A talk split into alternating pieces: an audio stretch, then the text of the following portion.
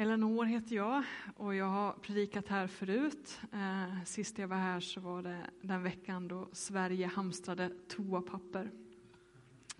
Det har hänt en del sen, sen, eh, sen dess, eh, när vi får mötas på det här sättet.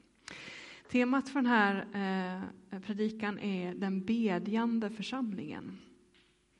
Eh, och nästa söndag kommer jag igen och kommer tala om församlingen som ett tempel. Och de två temana sitter ju ihop. Den bedjande församlingen och församlingen som ett tempel. Eh, när jag var ung så spelade jag ett dataspel som hette Caesar 3. Eh, Oh, det är någon som känner igen här i alla fall att man har spelat det. Man skulle bygga en romersk stad eh, och målet var att bli så framgångsrik i det här stadsbyggandet så att man blev krönt till kejsare. Det blev aldrig jag, för att, för att, kunna, för, för att kunna komma så långt var man tvungen att kriga och det ville inte jag. Så jag byggde bara såna här fredliga städer. Eh, man började med liksom brunnborrning Eh, gick vidare med jordbruk och liksom få upp ett fungerande samhälle. Och så fort man hade sten och sådana grejer, då var det viktigt att bygga tempel. Eh, för att hålla de olika gudarna nöjda. Eh, för om inte Merkurius fick ett tempel, då havererade handeln. Eh, om inte Ceres fick ett tempel, då blev det missväxt. Om inte Neptunus fick ett tempel, då förliste alla sina alla ens skepp. Så det gällde att hålla koll liksom, på de här olika gudarna så att alla var nöjda, så att det gick bra för en stad. Och i en sån världsbild, när liksom olika element eller områden har varsin gud, då är ju monoteismen tron att det bara finns en enda Gud, ett evangelium. Alltså man slipper springa runt i olika tempel eh, och be liksom för olika grejer, utan det räcker att rikta sig mot en enda Gud, ett enda håll, till skapelsens Gud, till skaparen av himmel och jord, eh, för att få välsignelse på livets alla områden.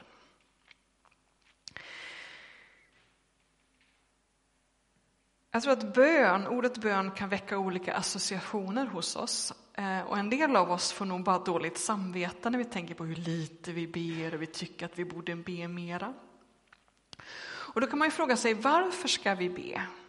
Vad är syftet med bönen? Är det för att liksom hålla gudarna, Gud nöjd så att inte mitt liv havererar? Eller vad är liksom poängen med bön? Och då vill jag ta er vidare till ett annat barndoms eller tonårsminne och det är min konfirmation. Eh, när jag gick i konfirmationsläsning, då, eh, jag minns inte så mycket från föreläsningar och lektionerna, men jag minns att vi i början av terminen, där första terminen, fick ställa anonyma frågor.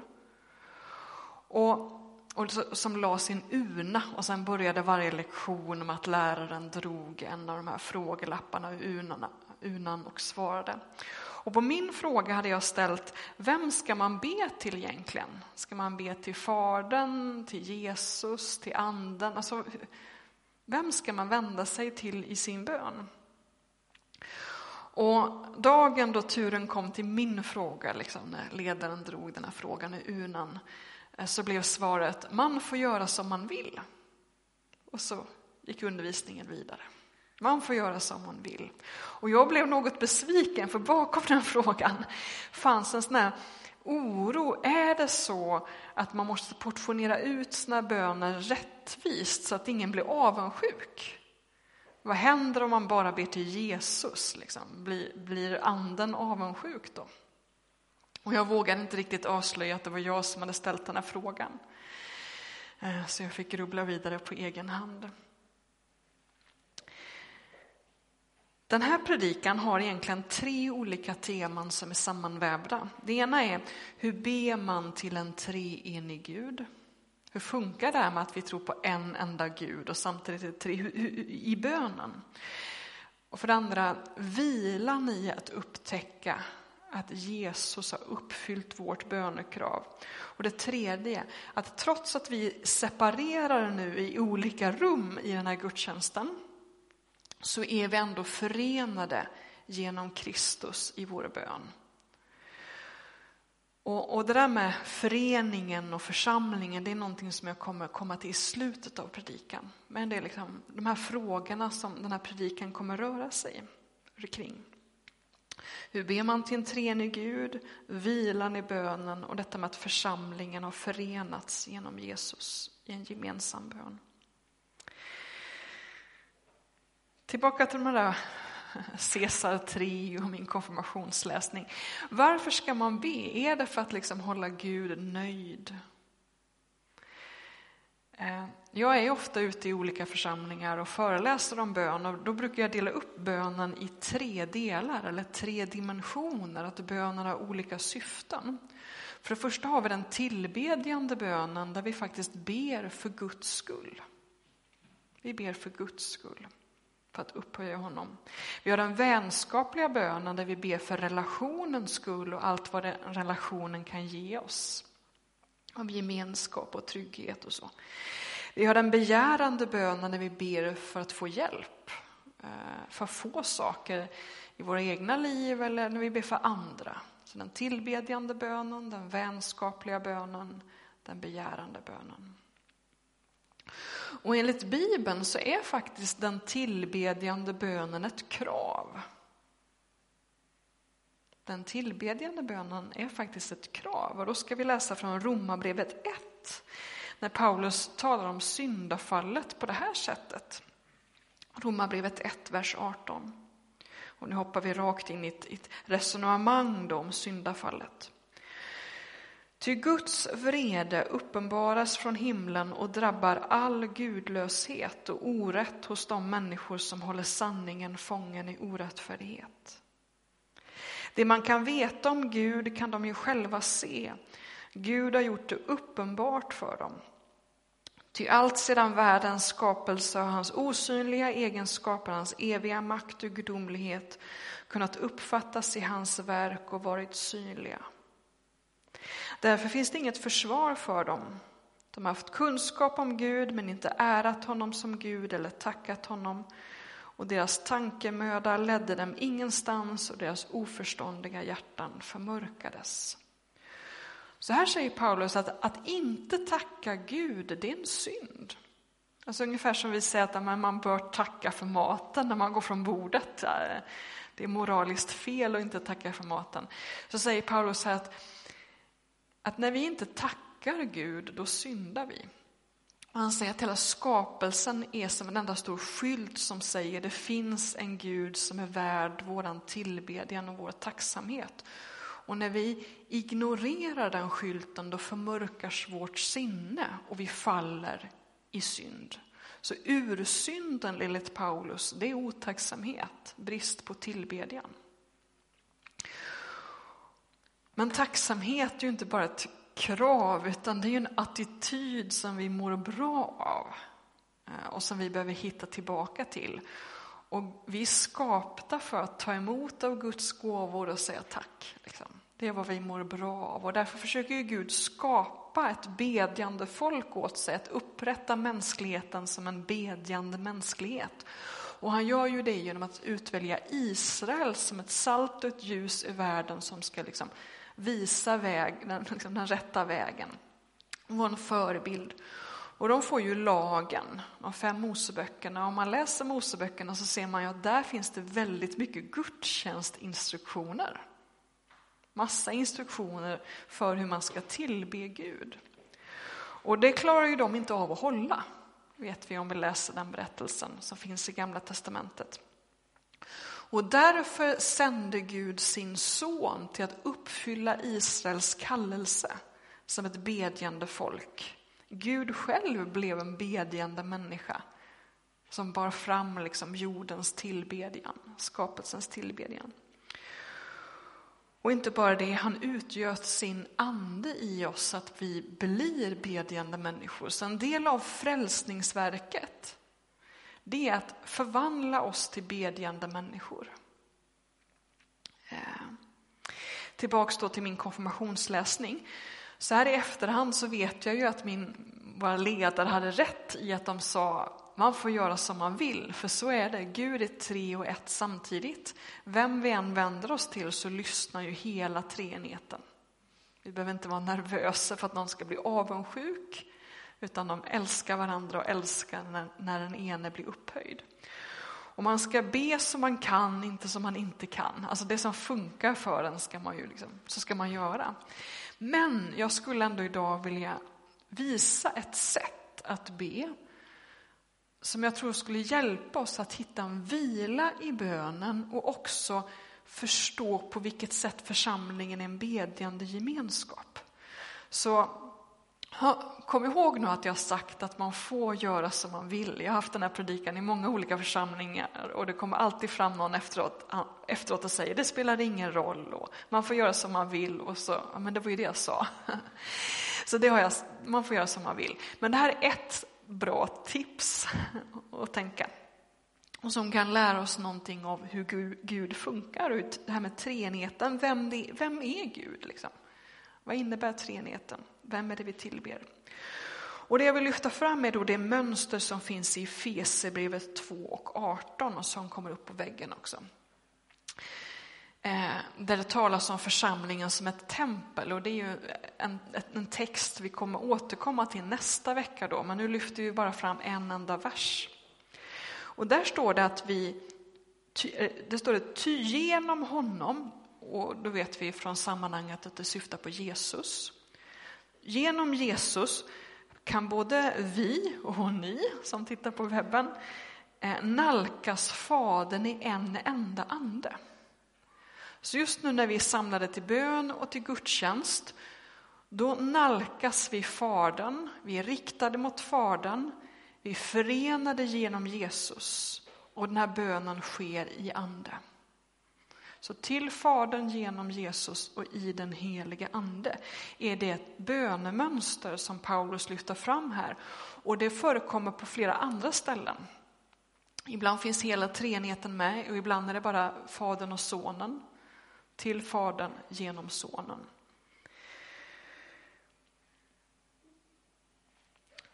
Vi kan gå till en annan text där det här mönstret också finns och det är Galaterbrevet 4 som visar just det här hur Gud har gjort oss till bedjande människor. Liksom. I vår synd så har vi liksom blivit inkrökta i oss själva. Vi ser inte den här skylten som säger det finns en god Gud värd tillbedjan. Vi är inkrökta i oss själva, men hur Gud förvandlar oss till bedjande människor. Galaterbrevet 4 och 4. Men när tiden var inne sände Gud sin son, född av en kvinna och född att stå under lagen, för att han skulle friköpa dem som står under lagen och vi får söners rätt. Och eftersom ni är söner har Gud sänt sin sons ande in i vårt hjärta och den ropar Abba, fader.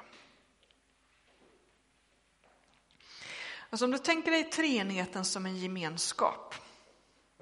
Tre personer som står vända mot varandra. Och genom dopet och tron, då har vi förenats med Jesus och kan stå på den platsen i treenighetens gemenskap. Så du tänker den här triangeln, de står vända mot varandra. Så nu står vi förenade med Jesus på den platsen och är vända mot Fadern. Och nu när vi är förenade med Jesus och har blivit Guds barn genom det, fått den identiteten, då har Gud fyllt oss med sin sons ande. Och den anden fyller oss med sonlika böner. Med Jesuslika böner. Andens uppgift är ju att göra oss lika Jesus. Genom nådegåvorna, genom andens frukter, men också genom att göra oss bedjande likt Jesus. Alltså, så precis som Jesus kan vi nu ropa Abba fader, Abba fader. Och den heliga ande kallas på det här sättet ibland för sonens ande eller för Kristi ande eller för Jesu ande. Och det har med att personerna i treenigheten får sitt namn av varandra. Fadern är inte vilken fader som helst utan sonens fader. Sonen är inte vilken son som helst, utan Faderns son. Och anden är Guds ande eller Sonens ande. Så Gud har gjort oss till bedjande människor genom att vi har förenats med Sonen och vi har uppfyllts av Anden och blivit bedjande människor. Vi har blivit en del av den kommunikation som finns inom treenigheten. Och då vill jag nu i den här predikan ge några böneövningar som man kan göra själv hemma för att upptäcka detta och hitta vilan i att Gud har gjort oss till bedjande människor. Och sen kommer jag avsluta med att säga någonting hur man kan praktisera detta som församling. Alltså vad det här gör med oss som gemenskap. Men först kommer jag ta då det här enskilda. Jag tror att när vi tänker på bön, då tänker vi på tankar. Eh, vi tänker på ord. Eh, vi i väst är kanske lite dåliga på att tänka att bön är någonting man kan göra med kroppen med armar och ben eller med magen. Fastan är ju bön med magen. Eller att man kan använda sin fantasi när man ber. Och ett sätt att närma sig den här verkligheten, att lära känna treenigheten, upptäcka att Gud har uppfyllt oss med bön. Att vi möter Fadern genom Jesus i den helige Ande. Det är att måla upp en slags tavla framför sig, en inre ikon man liksom gör det osynliga synligt och så tittar man på det med sitt inre öga med hjälp av sin fantasi och så är man bara i tyst bön. Alltså man säger ingenting. Utan man bara kanske faller på knä eller sitter i sin fåtölj och bara ger Gud sin uppmärksamhet. Och så försöker man bara ta in att det här är sant. Det jag nu har målat upp, det här stycket teologi som jag har målat upp. Så kan man ju sätta en timer eller någonting på fem minuter där man bara i fem minuter stannar upp inför detta, eh, den här teologin och försöker ta till sig det. Och då vill jag ge fyra olika bilder som du kan använda i din bön. En slags tyst meditation då du tar in detta och lär dig att komma till tro på det här. Och använd den bilden när du känner att det där känner du en längtan inför, eller det där känns som att spännande, eller det där berör dig. Vilken av de här bilderna ska du ta med dig liksom, in i din bön? Och det här är olika aspekter av genom Jesus. Jag tror att vi behöver lära oss det, att be genom Jesus och hitta en vila i bönen på det sättet. För det första kan du föreställa dig hur Jesus står inför Fadern med ryggen vänd mot dig. Så vi har Fadern och så har vi Jesus och så är det du. Och Jesus står med ryggen vänd mot dig som en överste präst. Vi har ju det här i Hebreerbrevet till exempel. Att Jesus ber inför Fadern, vi har det i andra brev också.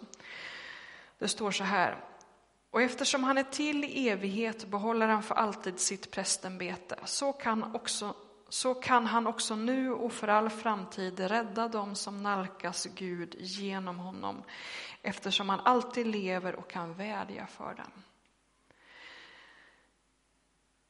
Den här bilden kan vara lite svår att ta till sig för att vi inte är vana att tänka vi som präst, överste präst, tempel. Men Israel bad ju genom sitt prästerskap.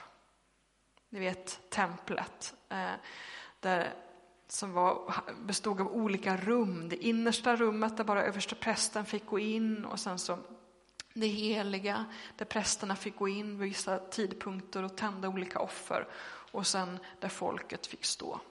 Man tillbad Gud genom sitt prästerskap. Och Bibeln säger att det här templet som fanns i Jerusalem, det var en avbild av ett himmelskt tempel. Och Hebreerbrevet säger att Jesus har stigit upp till det här himmelska templet och bär fram vår bön och ber för oss, vår tillbedjan. Och därför kan vi då i vår bön blund, liksom, i fem minuter blunda och försöka se det här templet framför oss. Var står Jesus liksom? Och se hur han bär fram vår lovsång och vår bön. Och då blir ju Jesus som någon slags lovsångsledare som leder vår lovsång och där vi liksom bara får säga vårt amen. behöver liksom inte ens sjunga med, utan vi kan bara vila i att Jesus ber för världen. Han tackar och vi får bara luta oss mot honom. Så att man kan ju liksom öva sig i att ta in den här verkligheten genom att bara titta på Jesu rygg. Den andra bilden, då föreställer du att Jesus och du står inför Fadern tillsammans. Jesus står bredvid dig. Så nu kommer alla de här bilderna fram. Jesus står bredvid dig och ber. När lärjungarna frågade Jesus, lär oss att be, hur ska vi be? Då sa Jesus, vår fader. Så här ska ni be, vår fader. Han har blivit vår fader för att vi har förenats med Jesus och vi har blivit syskon med honom. Vi har blivit en del i den här familjen som treenigheten utgör. Så när vi ber vår fader, då kan vi tänka oss att vi lutar oss mot honom. Han har inga synder som han behöver be om förlåtelse för, men han har burit vår synd. Och det tror jag är någonting vi behöver upptäcka, att Jesus är vår storebror som vi kan luta oss mot i vår bön. Det tredje, det är att sonen står framför dig med ansiktet vänt mot dig. Och det här är varför vi kan be till Jesus. För att Jesus har vänt sitt ansikte mot oss och han visar vem Fadern är, vem Gud är. I Johannes evangeliet så säger han, den som har sett mig har sett Fadern. Ibland har vi fått för oss att, att Fadern är den stränga guden och Jesus är den snälla guden, men det stämmer inte för då är det, blir det tre separata gudar. Det finns bara en Gud. Den som har sett Jesus har sett Fadern. Och vi möter Fadern genom Jesus. Ingen kan komma till Fadern utom genom Jesus. Därför kan vi då rikta oss mot Jesus. Och du som har fått för detta att, att Fadern är sträng och Jesus är snäll, behöver ju verkligen stanna upp i den för bilden. Att när du ber till Jesus, då lyssnar Fadern bakom. Liksom. För det fjärde, det är att Jesus står liksom bakom dig och liksom presenterar dig för Fadern. Säger liksom, här är Elinor, här är Petra, här är David. Alltså, han presenterar oss inför Fadern när vi kommer i hans auktoritet. Och det är därför vi säger när vi avslutar våra böner till Fadern med i Jesu namn. Vi kommer i hans auktoritet. Han står bakom oss. Och det där om anden ska jag ta precis på slutet, så det kommer sen. Så det här är ju några bönövningar man kan göra enskilt. I fem minuter bara stanna upp inför någon av de här bönebilderna och hitta vilan i att jag inte måste producera massa böner hela tiden, utan att jag kan luta mig mot den bön som pågår i Jesus. Jesus ber när jag inte orkar be och jag får luta mig mot honom som min överste präst eller som min broder Upptäck det här mönstret till Fadern genom Jesus och i den helige Ande. Sen är det ju frågan då hur man ska göra som gemenskap. För när man är själv då får man ju göra som man vill, men när vi är tillsammans så måste man ju komma överens. Hur ska vi be? Och här skulle jag vilja att ni liksom pratar lite med varandra efter den här gudstjänsten eller hemma i soffan där ni kanske sitter som familj och tittar på den här gudstjänsten. Följer med via webben. Det ska ni fundera på. Vem ber, vem ber du till och vem ber ni till? Alltså när ni vänder er till bön i era bönegrupper eller en gudstjänst, riktar ni er bön till Fadern, till Jesus eller säger ni Gud? Vad säger ni? Det är ett sätt att upptäcka sin egen gudsbild. Hur tänker jag mig Gud? Hur tänker jag att bön är? Och det kan vara, ja, men lyssna på era böner. Varför ber ni till Fadern ibland? Varför ber ni till Jesus ibland? Är det bönämnet som styr? Och hur tänker ni? En annan sån fråga är ju när man leder församlingen i bön eller bönegruppen, använder man ordet jag eller vi? När du leder någon i bön säger du Jesus, jag tackar dig eh, för den här fantastiska dagen. Eller säger du Jesus, vi tackar dig. Det är en skillnad. När vi möts till bön är vi individer som liksom, eh, bär fram våra enskilda bönämnen inför Gud? Eller är vi ett vi? Och det, det, gör att man får tänka till när man leder i bön. Eh, är det här ett bönämne som de andra kan stämma in i? Eller börja säga jag? Och när jag ska liksom leda församlingen i bön, då kanske vi behöver hitta den här bredden. Jag vet att de är glada och tacksamma, de är ledsna och bekymrade och få med allt det där. Det är sådana saker som vi behöver fundera på. Hur kan vi leda varandra i bön så att vi blir en kropp? Och jag är ju ute i många olika kyrkor och har mycket ekumeniska kontakter. Och om jag då får lov att generalisera, och när man generaliserar då blir det ju alltid lite fel, för det är ju så grova penseldrag. Men då skulle jag säga att i de historiska kyrkorna där man firar mässa, i de gudstjänsterna så brukar man säga vi, och man riktar sin bön till Fadern. Alltså himmelske Fader, vi tackar dig. Man har det mönstret att man ber till Fadern. Medan man i, den, i väckelsetraditionen framför allt har en vana att be till Jesus. Jag skulle säga, om man generaliserar så i de historiska kyrkorna ber man till Fadern i sina gudstjänster primärt. Man har bön till Jesus också, men majoriteten av bönerna är riktade till Fadern. Och i väckelsetraditionen finns det en dragning mot till Jesus. Och jag tror att båda de här sätten behövs. Vi behöver uttrycka vår enskilda bekännelse till Jesus. Det har varit en styrka i väckelsetraditionen att man får ett personligt förhållande till Jesus. Men vi måste inse, om vi hamnat i det diket, att vårt personliga ja till Jesus har inneburit att vi har förenats med Jesus och blivit en enda kropp. Det är det Efesierbrevet 2 talar om, när det talas om ett tempel, att han, vi har förenats i Jesus och blivit en kropp tillsammans. Och Det kommer jag prata mer om nästa gång. Och därför, just för att vi har förenats med Jesus, på grund av vårt ja till Jesus, så har vi blivit en kropp som är riktade mot Fadern. Det finns liksom, genom tron och dopet så finns det ett osynligt band mellan alla kristna. Vi har blivit en kropp. jag pratade om det förra gången jag var här den här veckan då vi hamstrade toapapper. Vi är en kropp och vi, har, vi är riktade mot Fadern. Och det gör att när vi ber vår Fader, även när vi är ensamma, kan vi säga vår Fader. För i den bönen är vi förbundna, förenade med världens alla kristna.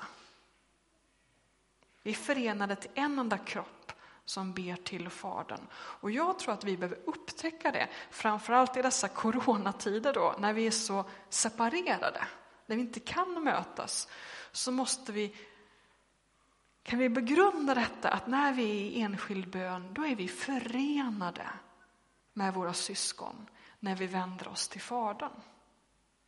Fadern är vår fader. Vi är en kropp och vi möter Fadern genom Kristus. Till sist något mycket kort om det här med anden. Hur låter en andeuppfylld människa? Alltså, anden har fyllt oss med böner. Hur låter det? Jag tror att vi ofta tänker på någon som liksom hoppar och studsar och ropar halleluja. Och så kan det ju vara när anden fyller oss med bön. Men då vill jag bara ta er med till Romarbrevet 8 i folkbibelns översättning. Jag tror att det är den gamla folkbibeln. Eh, vers 26. Så hjälper också anden oss i vår svaghet. Ty vi vet inte vad vi bör be om, men Anden själv ber för oss med suckar utan ord. Alltså inte tungotal, för tungotal är ju ord. Det här är mer ett kvidande läte. Och han som utforskar hjärtan vet vad Anden menar, eftersom Anden ber för de heliga så som Gud vill. Ibland skapar Anden jubel i oss, och ibland skapar Anden suckar i oss. Och det är för att Guds rike är redan nu men ännu inte. Det finns saker vi kan tacka för. Och så finns det saker som ännu inte är. Och därför suckar anden i oss och längtar efter att Guds rike ska fullbordas. Och det här betyder ju att när du sitter i din soffa eller fåtölj och liksom ska stanna upp inför det här och lyssna, vad, vad är det för bön som anden har skapat här i? Om du bara känner en slags frånvaro, Gud är inte här, då kan det vara ett tecken på att Gud verkligen är där. Att det är anden i dig som längtar efter Gud. Anden i dig ropar efter Jesus, anden i dig ropar efter Fadern. Treenigheten längtar efter varandra. Att känslan av Guds frånvaro kan i själva verket vara ett tecken på Guds närvaro, att Gud längtar efter Gud. Känn efter, vad är det för bön anden har skapat i dig? Och där får vi ha en slags respekt att vi är en kropp men olika lemmar. Och en, i en del lemmar så jublas det nu och i andra lemmar så suckas det nu. Och tillsammans bär vi fram vår bön. Mm. Låt oss be. Fader i himlen, tack för att du har skapat bön i oss genom Jesus och den helige Ande. Och jag ber att vi skulle den här, upp, den här dagen och den här veckan få upptäcka detta. Hjälp oss att hitta vilan i bönen och hjälp oss att upptäcka att vi har blivit en kropp, en församling, en gemenskap. Välsigna våra samtal, vår enskilda reflektion. Amen.